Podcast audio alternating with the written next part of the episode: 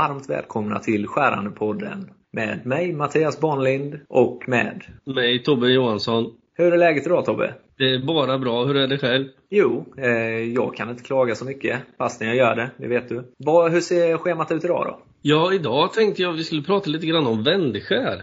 Det är ju en djungel man kan grotta ner sig i ordentligt. Ja, det är ju en väldigt spännande del inom den skärande bearbetningen faktiskt. Vad är ett vändskär? Ja, vad är ett vändskär? Det är ju en bra fråga faktiskt. Nej, men man kan använda det, alltså man har vändskär till fräsning, man har det till svarvning, man kan ha det i borrning. Så det finns väldigt många typer. Mm, det kan användas till det mesta. Ja, det finns ju för, det finns ju lite standarder om man säger ISO och så här. Men själva vändskär då? Eh, om vi tar grunderna för de som liksom är helt gröna på det här. Det är ju alltså en del i verktyget Ja. som är enkel att byta ut. Ja, spetsen kan man säga, det är den som bearbetar materialet. Mm, den viktigaste delen kan man säga. Ja, precis. Och som namnet bekräftar då så är ju det också en av de stora fördelarna med vändskär. Att de är vändbara. Eller hur Tobbe? Jajamän, det stämmer. Mm, det ger ju för det första en, eh, ett mervärde till användaren, till brukaren. Ja, ja, precis. Eh, Man får eh, mer ingreppstid per verktyg kan man säga. Ja. Oftast om du går till ett solitt verktyg, säg hårdmetallsborr till exempel, så är ju det, det blir ju en väldigt stor bit hårdmetall, vilket kostar ganska mycket pengar. Och har du då ett vändskärsborr så har du en snabbstålskropp och hårdmetallsvändskär i spetsen, vilket gör att du får en helt annan ekonomi. Och jämför man det däremot med snabbstål så får du ju helt andra skärhastigheter och sådana saker när du kör med vändskär gentemot snabbstål. Precis. Och själva grundtanken är ju att man investerar i en mindre massa verktyg, en mindre volym verktyg. Men man Precis. får mer effektivitet utav det. Ja, stämmer. Ja. Så det är ju då anledningen till att det här har blivit så pass populärt. Och det är ju en, den delen i verktygsindustrin som ökar mest om man säger också. Ja, lite grann kan man väl gå tillbaka till eh, när jag började. Så fick man lära sig att slipa sparskär, som det hette. Sparskär och skruvstål och sådana saker. Men nu tror jag inte du vet riktigt vart jag, var jag är någonstans och vad jag pratar om längre, Jag tänker Mattias. bronsåldern va? Det var lite Ja, någonstans, någonstans där i, i dina ögon kanske. Nej, men då fick man ta en snabbstålsbit och sen slipade man fram sitt skär man skulle svarva med. Mm. Gentemot dagens vändskär där du har bättre precision, det går mycket snabbare allting. Och som sagt, det du hade slipat, där hade du en spets. Här vänder du på skäret så kan du ha allt från två till sex spetsar på en platta. Ja, 12 till och med. Eller 15 Ja. eller 16 finns det de som har också.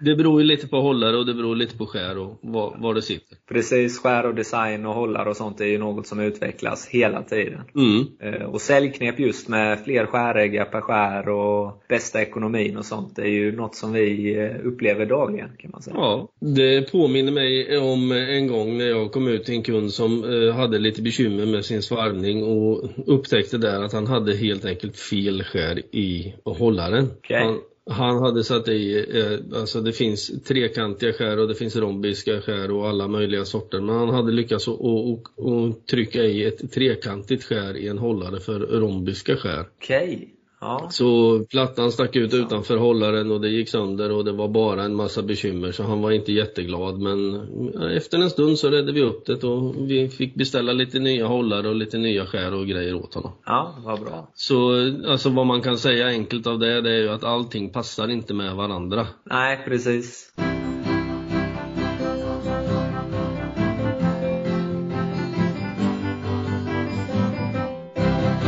Det finns ju en herrans massa olika former.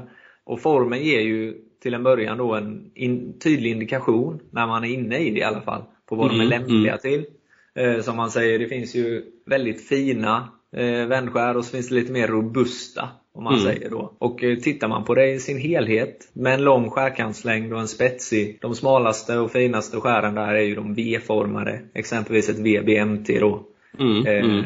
Och det har ju då i sin tur en lämplighet för liksom lite ytsvarvning med hög finhet, eh, automatsvarvning och, och liksom lite finare grejer så medan de här fyrkantiga och kanske runda skären sen i sin tur är lite mer för grovsvarvning och den Mm, biten mm. med djupare ingrepp och så. Så ju, högre åtkomlighet ett skär har, om man säger, så är det ju mer för finsvarvning och profilering. Mm. Och ju mindre åtkomlighet så har den ju i sin tur då en högre skäräggstyrka då, och är mer anpassad för grovare ingrepp. Mm. Mm. Man kan ju sammanfatta det på det sättet. Ja, det tycker jag. Man brukar ju prata om grovskär och finskär. Precis. Om man står i en maskin och kör och då har man ju oftast ett, som du är inne på, ett lite mer fyrkantigt skär när man tar bort det första. Och mm. sen tar man det spetsiga om man vill ha fin yta, man kanske vill göra en liten profil eller någonting på sin detalj. Jajamän. Och sen så i sin tur så har ju varje skär då också speciella spånbrytare och speciella sorter. Mm. Mm. Det, finns, det, det, är ju lite grann tillbaka det vi har varit inne på många gånger att materialet avgör och de här ISO-standarder och P25 och allt vad det heter. Jajamän. Eh, och eh, de här sorterna då och beläggningarna, PVD och CVD, det avgör ju lite färgen och hur, hur pass fina skären blir. Jag vet, jag är ju ganska nygift där också. Eh, jag har varit gift i ett år. Planen var ju när jag friade var ju att ta ett sånt här klassiskt RNMG. Fixa till eh, hålet lite då eh, så att det eh, gick på fingret. Och eh, använda det när jag friade. Det blev lite billigare också än en vanlig vigselring i guld. Men det var ju något som, som jag fick tänka om på där. Det passade inte riktigt i hållaren alltså? Exakt så kan man säga. och det, det, det, som sagt, den passar inte i hållaren och det, det är ju så att det, finns ju hållare för olika ändamål. Du har ju oskär om man så säger. Tittar du på fräsning så finns det frässkär och, du kan in, och, och svarvning är svarvskär och borrning är borrskär och så vidare och så vidare. Men du kan inte ta ett frässkär och använda när du svarvar. Nej, precis. Om vi ska hålla oss lite enklare och lite så mindre detaljerade. Så frässkär är för fräsning, svarvskär är för svarvning och borrskär är för borrning. Mm. Så det här svarvskäret som jag tänkte sätta på fingret då, hade ju inte liksom funkat att hacka grönsaker med eller något sånt om man säger. Nej, precis. Men, eh, men du är gift va? Ja, faktiskt. Ja, Mot ja. alla odds. Ja, precis. Grejen är ju den att du valde ju fel skär Mattias. Hade Gjorde jag det? Varit, ja, hade det varit jag som skulle gifta om mig så hade jag tagit Pramets DCMV 11 T304 FN med sorten PD1. Det är polykrystamin diamant. Då hade saken varit biff direkt. Inget ja, svårt alls. Du, nej, du har ju, det låter ju enkelt när du säger det faktiskt. Att jag inte tänkte på det. Man går på rutin i min ålder. Ja, jag förstår det. Jag förstår mm. det. Ja. Ja, men det blir spännande när du ska gifta om dig då Tobbe. Ja, det tror jag inte kommer att hända men hade jag gjort det så hade jag ju valt lite annorlunda.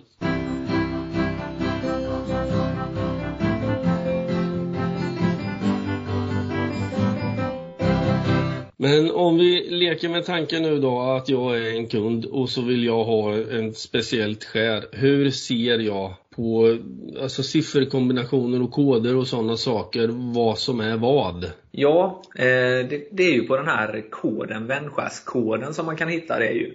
Mm. Eh, och det är egentligen första bokstaven. Det finns alltid fyra bokstäver som eh, beskriver hela designen.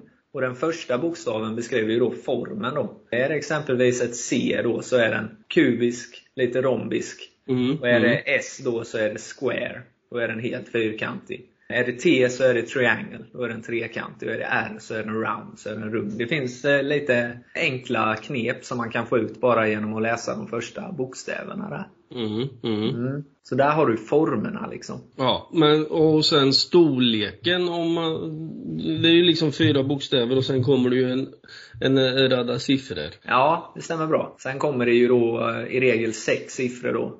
Mm. Eh, där de två första beskriver eh, skärkantslängden, de två andra beskriver tjockleken och de två sista beskriver den eh, ökända nosradien då. Mm. Mm. Och sen och så har man passerat nosradien och sen kommer ju spånbrytare och sort, eller hur? Det stämmer bra det. Och om vi bara ska ha ett vanligt enkelt grovskär för svarvning i rostfritt, mm. vad skulle du vilja säga att ett sånt heter? Skulle man ta ett vanligt skär då, så Först och främst är det ju spånbrytaren då som eh, sätter vilket skärdjup du ska ha då, främst i svarvning. Mm. Eh, och då är det ju ett M du vill ha på spånbrytaren. Mm. Eh, för medium. Mm. Eh, och sen kommer ju då sorten då. Eh, som vid svarvning då så börjar den alltid med bokstaven T och T står Mm. för turning. Sen kommer det två delar då som står för CVD eller PVD-beläggningar. Om det är en udda eller en jämn siffra. Ska Mm. man ta ett eh, standard PVD-skär så skulle jag vilja rekommendera ett 8330 exempelvis. Och då står ju 30 sen för i vilket ISO-applikationsområde du kommer åt. Mm, mm. Mm. En annan fråga som är ganska vanlig är eh, skillnaden mellan PVD och CVD. Det är ju som så, det är ju hur beläggningen är pålagd på skäret. Där PVD är den fysiska designen, alltså att det är påkletat med ett väldigt högt tryck. Om man Mm. säger. Man lägger på beläggningen och sen så lägger man det i en press och så pressas det på helt enkelt. Och Sen så har vi ju CVD. Med en kemisk metod då så eh, blandar du fast det så att det liksom fräter på skäret och fastnar där om Mm. man säger då. Mm. Vilket i sin tur leder till eh, tunnare beläggning som eh, då också gör den mer eh, värmetålig kan man Mm. säga.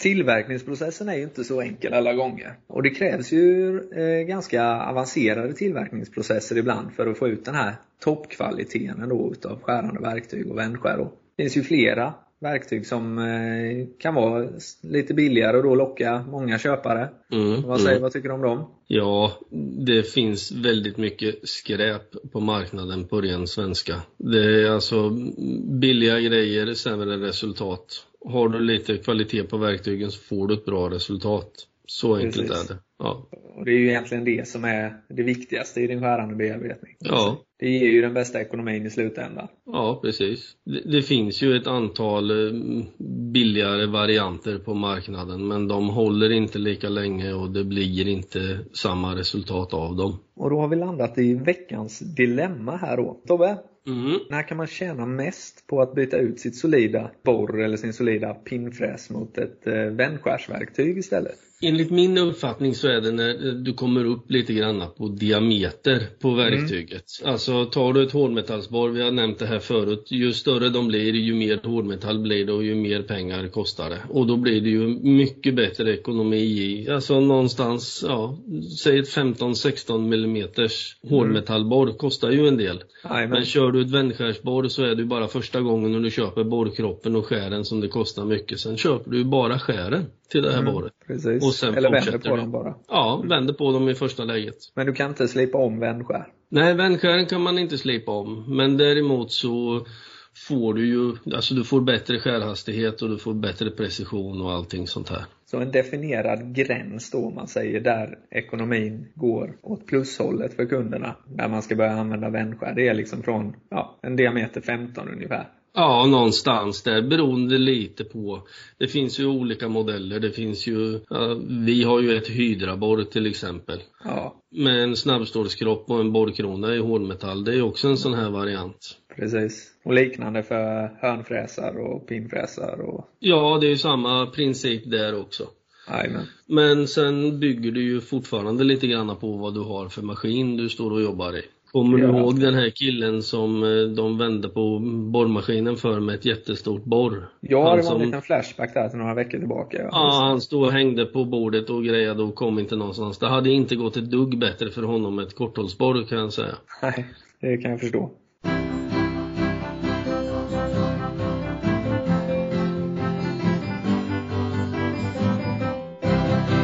Och eh, då hoppar vi vidare lite till eh, de trenderna som är eh, hetast just nu inom eh, vändskärsbearbetning. Hur ser det ut där Tobbe? Ja, där skulle jag vilja säga att det är högmatningsfräsning och formgjutningsfräsar som är mm, riktigt heta för tillfället. Ja okej, det kommer mycket nytt från eh, alla håll och kanter på marknaden. Ja, ja, det händer väldigt mycket saker och alltså främst tycker jag med högmatningsfräsning, det är någonting som roar mig ganska mycket. Och formgjutningsverktyg sen då, nämnde du med. Ja, men det tror jag du är lite bättre på att förklara än vad jag är, för det har du hållit på med mer. Ja, det kanske jag har.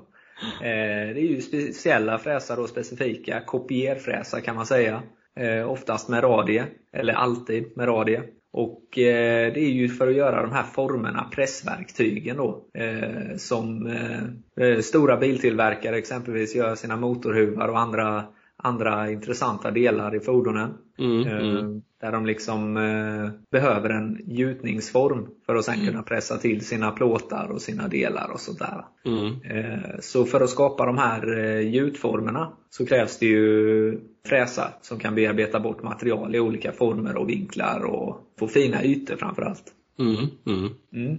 Och där kommer ju en hel del fina grejer.